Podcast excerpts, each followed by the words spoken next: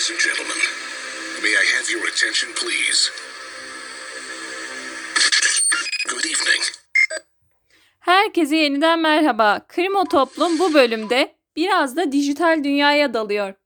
NFT desem, Cem Yılmaz'la duyduğumuz bu yeni pazar yeri acaba ne işe yarıyor? Nereden çıktı? Haydi başlayalım. Ladies and gentlemen, may I have your attention, please? Evet efendim. Biraz NFT'nin açılımıyla konuya giriş yapayım. NFT son yılların en ilgi çekici dijital veri alanlarından biri. Klasikleşmiş kripto paralardan çok daha farklı bir uygulamaya sahip olan NFT'ler dijital ortamda ürettiğiniz pek çok eseri ilgilendirebilecek bir kavram. Artık sanat eserleri NFT şeklinde alınıp satılabiliyor ve hatta bugünlerde İstanbul'un da NFT'si yapılıyor. 2015 yılından bu yana adından söz ettiren kavram ile var olan dijital varlıklarınızı değerlendirebilir ya da kendinize yeni koleksiyonlar edinebilirsiniz. Dijital bir sanat sergisi e, ya da resim sergisi de diyebilirsiniz bunu aslında. Çok da yanlış olmaz. Tüm bu detayları ayrıntıları ile şimdi ele alalım. NFT nedir öncelikle? Non-Fungible Token. Türkçe karşılığı ile değiştirilemeyen token ya da değişmesi mümkün olmayan para. Ya burada da sanat eserlerine bir şekilde bunu hukukçular bilir. Elektronik imza muhabbeti vardır. Sanat eserlerine bir elektronik imza atılabiliyor. Bu blockchain teknolojisiyle, blok zincir teknolojisiyle. Ve onun kime ait olduğu belli, kimden alınıp e, kime satıldığı belli.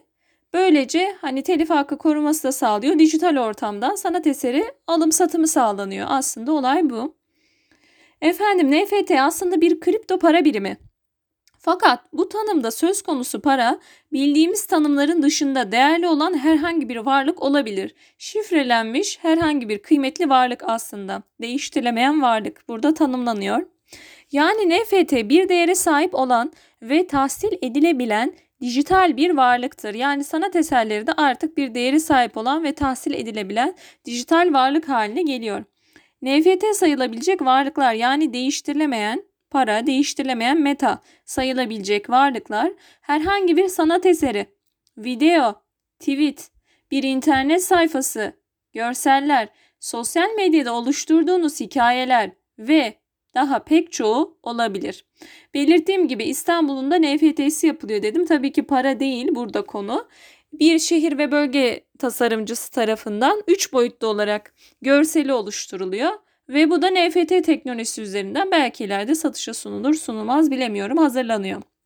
Efendim yani bir sanat eseri de NFT'nin konusu olabilir. Bir videoda, bir tweette, bir internet sayfası da, görsellerde, sosyal medyada oluşturduğunuz hikayelerde.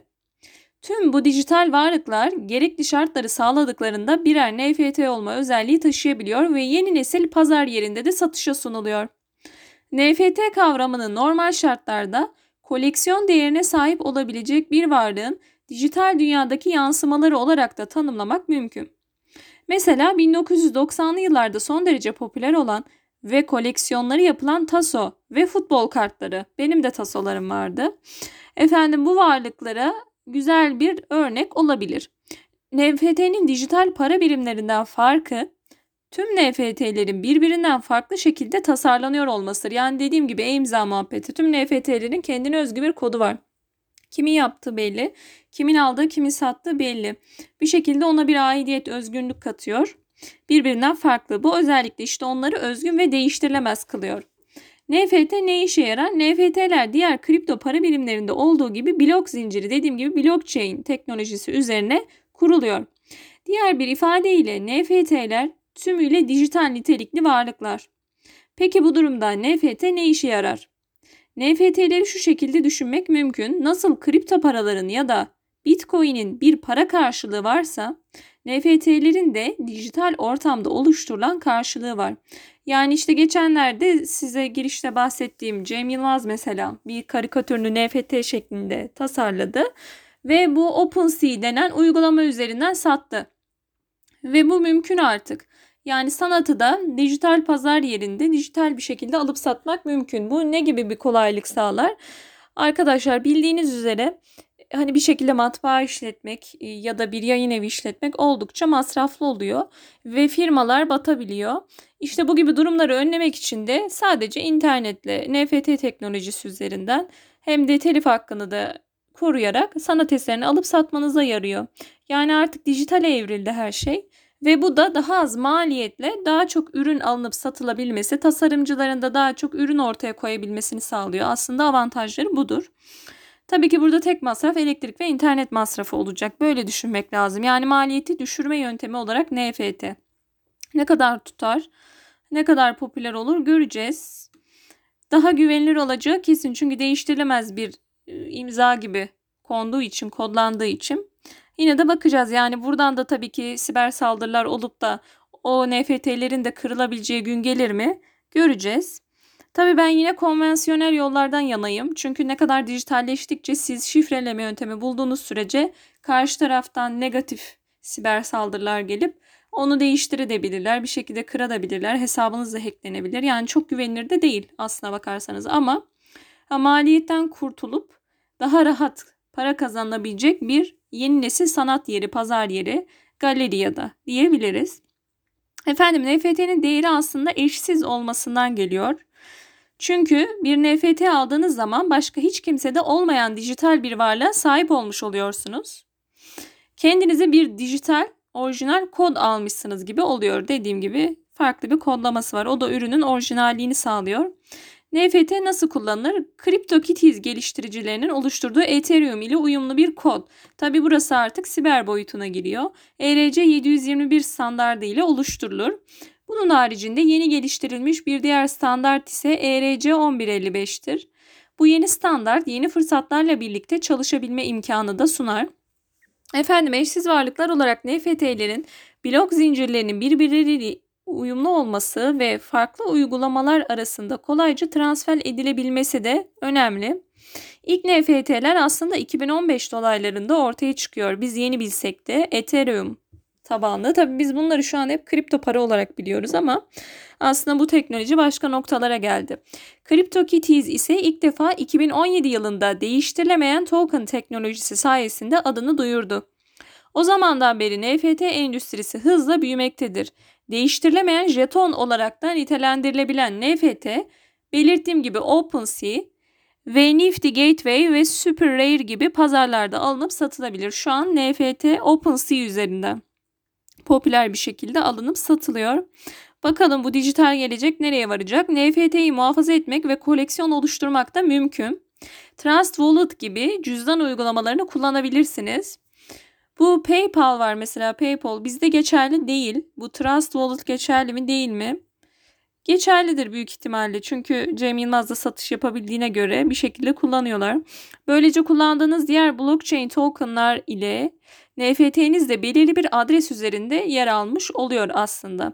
Hani siber durum, ıı, siber ortamlar ne kadar belirsizse de çeşitli kodlamalarla aslında bunu belirli ve güvenilir bir hale getirmiş oluyorlar. Tabi bu Trust Wallet cüzdan uygulaması bizde geçerli mi değil mi? Ona bakacağız. Ben yine size kaynak olarak eklerim. Yanlış bir bilgi olmasın orada. Efendim NFT'ler sahibinin izni dışında kopyalanamaz ya da transferi yapılamaz. İşte dijital ortamda bu sanat eserlerinin paylaşımı ile ilgili sıkıntılar oluyor. Mesela çeşitli karikatür üreten insanların dava açtığını görüyoruz. Aslında orada insanlar açıkta bulup paylaşıyor. Bu kadar da kötü niyet aramamak lazım. Ama işte bu NFT teknolojisi gelirse o zaman bir şeyler yerli yerine oturur. Daha böyle makul fiyatlar üzerinden giderse insanlar da bir sanat eserini kullanmak için NFT teknolojisiyle kripto para öder bir şekilde. Efendim yani NFT'nin farklılığı bu. Bir ürün üretirseniz özellikle sanatçılar için bu şifreli bir şekilde işte kime ait olduğu belli, kimden alınıp kime satıldığı belli. Sahibinin izni dışında da kopyalanamıyor, transferi yapılamıyor bu sayede de bir avantaj. NFT'leri kullanabileceğiniz alanlar peki nedir? Oyun, CryptoKitties evreni, dijital sanat ve farklı uygulamalar. Bence dijital sanatta bu işe yarar. Çünkü sanatçıların ürünlerini sunmak ve satmak konusunda zorlukları var. Mesela kendim de galerilere giden bir insanım. Tabii orada sanatçılarla konuşmuyorum ama yapması da pahalı bir iş. Bir insanı gidip ziyaret etmesi de çoğu zaman giriş ücretleri nedeniyle pahalı bir iş. NFT daha sanatı da erişilebilir kılar. daha faydalı olacaktır. Yerli ve yabancı NFT örnekleri. Bir dijital sanatçı olan Beeple'ın eseri kendisine ait olan pek çok eserin birleşiminden oluşmuştur. Mesela böyle çalışmalar da yapılıyor. Uzun bir süredir Instagram hesabı üzerinden sanat eserlerini paylaşan Beeple, NFT teknolojisinin tanınması konusunda öncüler arasında yer alır. Mesut Özil'e ait geleceğin krampon ve forması tasarımları da NFT ile satılan eserler arasındadır. Yani NFT deyip geçmeyelim. ABD merkezli bir uluslararası haber ajansı olan Associated Press ya da Associated Press de NFT satan ilk haber kuruluşu olarak NFT tarihinde yerini almıştır. NFT ile ilgili bu alım satımların yanında bir de proje örnekleri vardır. İşte bazı NFT projeleri. Crypto Crystal bir kripto maden oyunu. Mesela oyunda NFT olarak projede. Oyunda Bitcoin ya da Ethereum tarzında madencilik görebilirsiniz. Oyunun kullanıcıları şirketten kazma adında jeton alarak kristal üretimi yapar. Hyper Dragons. Hyper Dragons küçük yaratıklar vasıtasıyla oynanan bir oyun.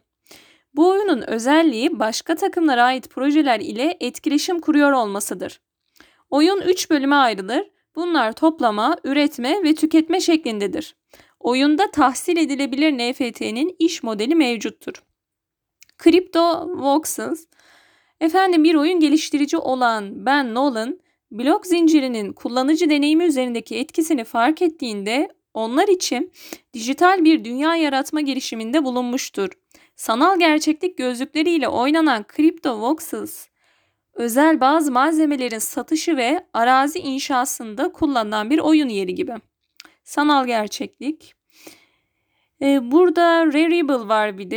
Rarible platformunun amacı sanatçılar ile sanat severleri bir araya getirmektir.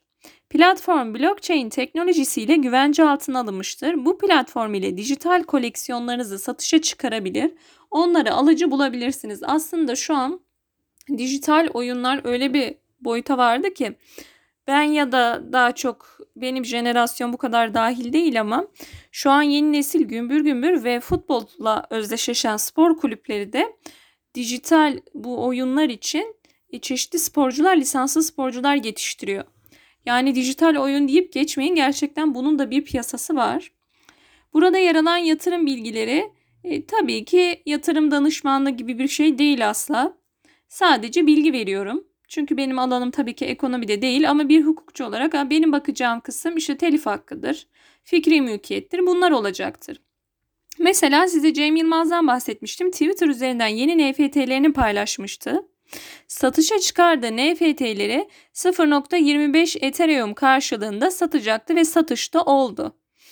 Bunlar nedir? Aslında kendi karikatürleri. Bunu NFT ortamında sattı kendisi. Hani kripto paralar değer kazandığı için bunun da ticareti zamanla gelişecektir.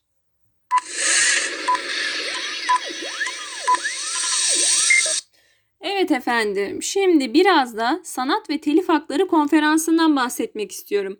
İşte daha çok hukukla ilgilenenlerin dikkatini çekecek tarafı. Artık kripto deyip NFT deyip geçmeyin. Çünkü bir para teknolojisi artık sanat eserlerinin şifrelenmesi, işte haklarının korunması, kimin ürettiğini belli olması noktasına geldi. Ve bir pazar yeri de oluştu OpenSea mobil uygulaması üzerinden. Sanat ve Telif Hakları Konferansı 10 Aralık 2021 tarihinde gerçekleştirilecek. Türk Hukuk Enstitüsü'nün Telif Hakları Genel Müdürlüğü katkılarıyla düzenlediği bir konferans. Dediğim gibi 10 Aralık 2021'de sabah 8.30'da başlayacak. Şimdi benim burada konuşmacılar arasından birini aktarma gibi bir isteğim var size. Çünkü kendisi NFT'den bahsedecek. Efendim Profesör Doktor Abbas Ketizmem 10-15-12 oturumunda Gazi Üniversitesi Eğitim Fakültesi öğretim üyesi kendisi kripto sanat, NFT'ler ve sanat piyasasından bahsedecek. Çünkü artık geleceğin sanatı kripto sanat, NFT'ler ve sanat piyasası. Saygılar, sevgiler diyelim. Bilişim dünyasından gelişmeler bu şekildeydi.